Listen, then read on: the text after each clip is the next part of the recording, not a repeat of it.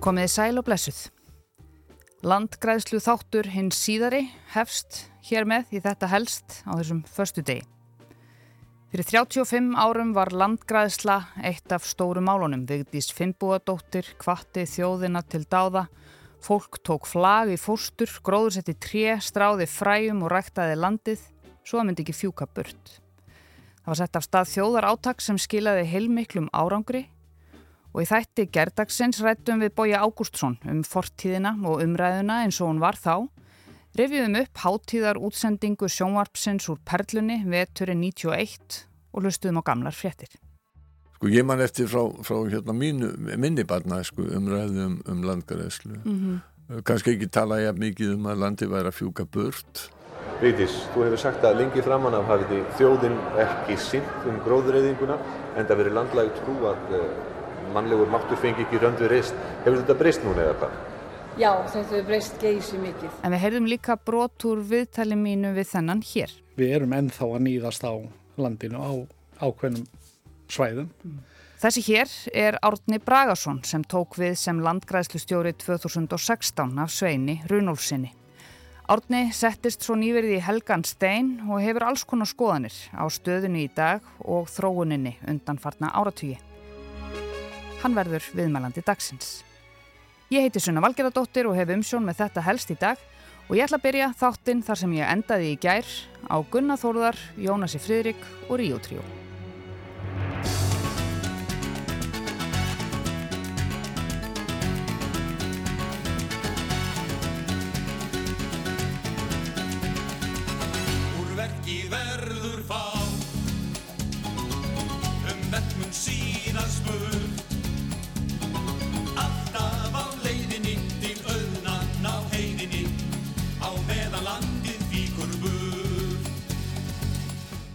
Jarfiðsegning er náttúrulega eitt af stærstu vandamálum heimsins. Það er náttúrulega það sem við höfum verið að tapa hér, eh, þessi gríðalegi jarfiður sem við höfum tapað í gegnum árin og erum því miður ennþá að, að tapa en víðaskvar á, á hálendinu er bara hreinlega allt fókið í burtu, það er ekkit meira að fjúka.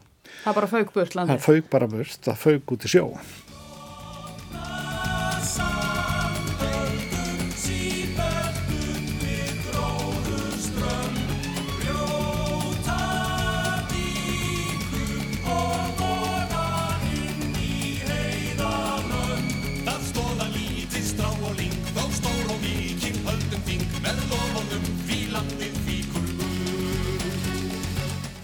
Talið er að alltaf tveir þriðju hlutar landsins hafi verið gróðri vaksnir á landnámstíð og hafi skóur þakið yfir fjórðunglandsins.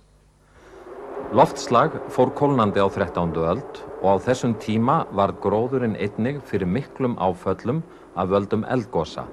Þar á meðal í Heklugosinu árið 1104 sem er mesta öskugos í Heklu sem sögur fara af. Samtímis voru því að verki hinnar þrjár megin ástæður jarðvegs eyðingar, óblítt veðurfar, eldgós og búsettan. Hér heyrðum við brot úr einslægi sem var sínt í tjeðri bytni útsendingu frá Perlunni fyrir næri fjórum áratjún. Við höfum allar þessar upplýsingar og við erum búin að hafa í rauninni þessar upplýsingar í áratugi. Það verður aldrei verið viljið til að taka á þessu. Og landifíkur burt er í rauninni á þessum tíma sem eru 8 til 900.000 fjár í, í vetrafóðruð í landinu. Því lík og bara gengdalös ofbeitt og líka á þessum svæðum og menn segja það er, engi, það er allt í lægi með bláskóabiða afrétti núna.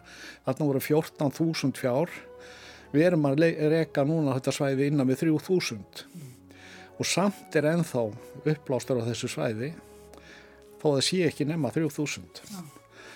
þannig að þessi landnýðsla sem er á þessum sama tíma hún er svo gríðarlega mikil og þess vegna voru þessir mekkir hérna rík mekkir yfir, yfir meir og minna yfir öllu landinu þegar að jarfegu fíkur og lendir á gróðri þá er jarfegun að bera með sér ábyrðarefni sem gera það verkum og það vex betur þar sem að þetta, þessi fókefni setjast og þetta heldur alltaf áfram og þá er, er nóg að býta fyrir e, fyrir á þessum svæðum en þetta er náttúrulega bara e, ofnótkum vegna þess að við erum alltaf að eyða meira og meira Já. og, og lokum er ekkert eftir og það er víða þannig, víða þannig. ég meina ef við skoðum landsveitina afrétti landsveitar og ása reps þá er það bara innan við 5% af heldarflatamánu sem er eitthvað gróið Já.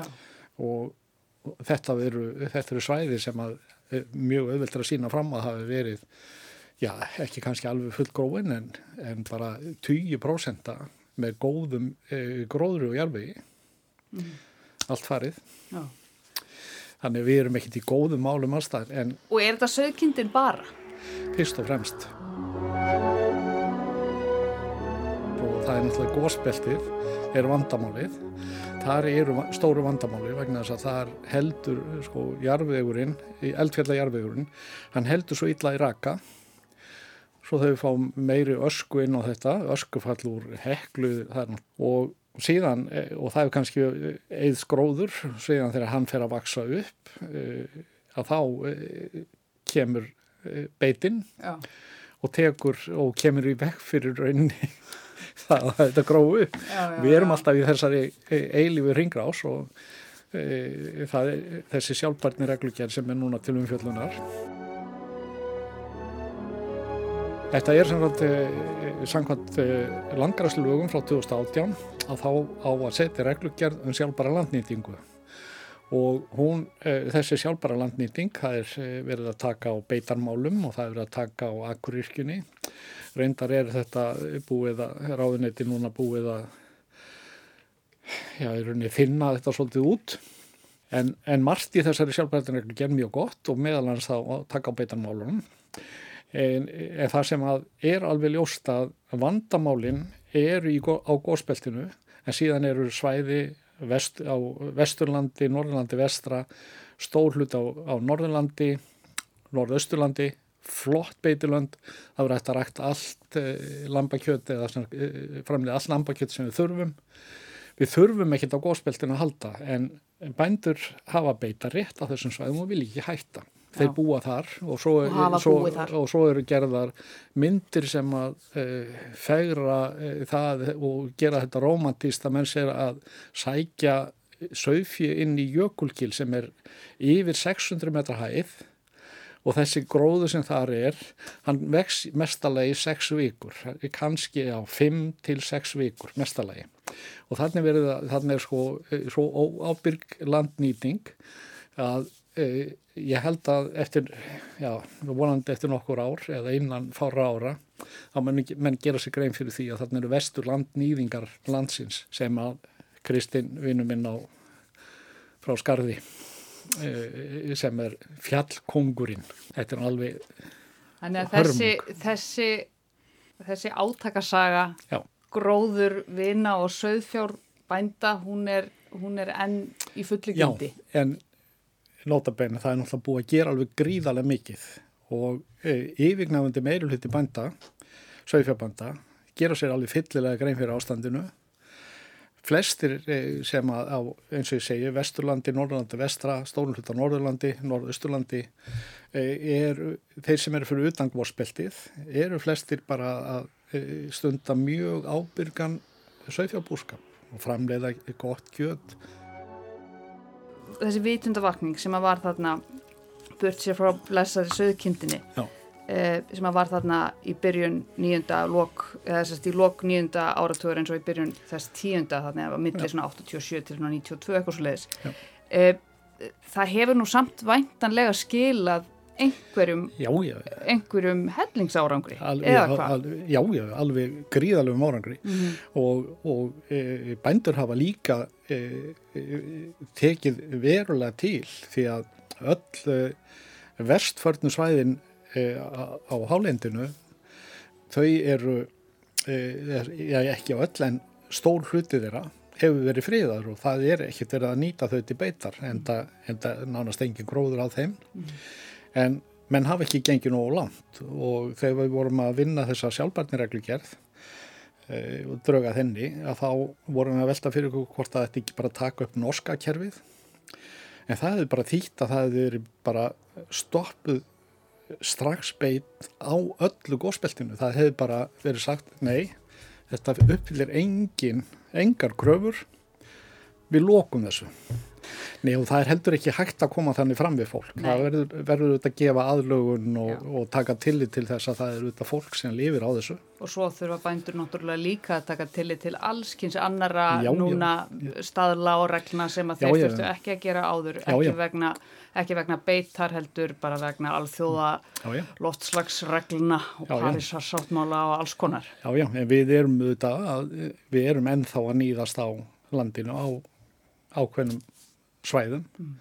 85% af framleiðslunni fer bara fram við mjög ásættanlegar aðstæður og, og sömstaðar eins og í húnavasíslunni, e, keldukverfinu. Mm. Þannig er bara frábær beitilönd og e, þegar við skoðum það út frá þeim þessari reglugjær sem e, tilstendur að setja, mm. þá er þetta sjálfbar landnýting á þó nokkuð mörgum svæðum mm. og auðvitað eigum við að uh, íta undir það og, og hyggla þessu fólki og vera með upprunamerkingar og kjötu og þá myndir fljótlega þessir aðeila sem, að, eh, sem eru að nýða, nýðast á landinu þá myndir þeir já, kannski geta selt kjötu sitt í pulsuframlýslu. Það er nefnilega það. En þessi umræða, hún er nú ekkert ný eins og við vitum þó að hún komi í ákveðnum háfaða bylgjum.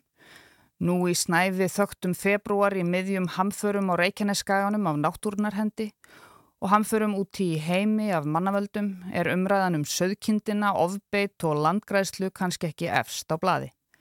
En hvað um það? Fyrir nokkrum árum síndi sjónvarpið þætti um loftslagsmál og þeir héttu hvað höfum við gert. Eitt þeirra fjallaði um landnýtingu. Ágangum mannsins, húfje, eldvirkni og reysjótt viðfar hefur skemmt viðkama gróðþykja landsins. Raunverulegt ástand landsins hefur hins vegar aldrei verið rannsakað með afgerandi hætti þar til nú. Að grólindarverkefnið hefur kortlagt landið allt. 39% þess land sem nýtt er sem beitarland fyrir söðfjö er í slæmu ásökkumulegi. Það er gróðursnöytt og landróf mikið. Ástæðan fyrir þessi ástandi er náttúrulega nýting landsins, skóarhaug og svo beitanýting. Ísland er dæmi um, um landsvæði sem hafa hvað orðið verst úti, hvað verst úti vegna landnýtingar á undarfannum öldum. Ólafur Arnalds, professor við Landbúnaðarháskóla Íslands, er einn fremsti vísendamæður Norðurlandan á sviði jarðvegsfræða og hefur rannsakað landnútkun á Íslandi um áratuga skeið. Menn eins og Ólafur Arnalds sem er búin að benda á þetta í 30 ár, hann er nýttur nýður og allt sem Ólafur segir er, er hérna, menn eru bara í því að nýða hann niður og segja að hann sé eh, ómerkilegu papir og, og, og veit ekki hvað hann er að segja. Hann er einn af færustu vísindamönnum landsins og, og hreinlega á heimsvísu sem vísindamæður í þessum fræðum. E, sko, hann er gerður ótrúverðugur með öllum ráðum. Mm og eh, það er náttúrulega bara eitthvað sem að bændafúristan ætti að skamma sín fyrir því að það er fyrst og fremst bændafúristan sem hefur eh, verið að nýða hann niður sem vísindamann mm. ef þeir hefðu tekið, eh, tekið upp samstarf við hann og hlustað á hann fyrir 30 árum þá varum við alltaf öðru stað í dag Lúpinan geima Já. eða gleima? Já e, alls ekki 2018 sem að við stoppum alveg nótkunn á lúpinu mm -hmm. e, Lúpinan er frábær, eh, frábær planta og ég vil sjá hann að nota það í framtíðinni til þess að þar sem við tökum ákvörðunum að búa til akra að þá væri upplætt að setja lúpinuna þar inn, eh, ræktana í nokkur ár, plæjana niður, láta hana vaks upp, plæjana aftur niður þá erum við að búa til jarðveg. Hvað tekur þetta langan, er hún ekki að binda nittur Jú. í jarðveginum? Jú. Hvað tekur það langan tíma? Svona á þriðja ári er hún farin að, að, að e, þriðja ári er planta farin að framleiða verulega mikið.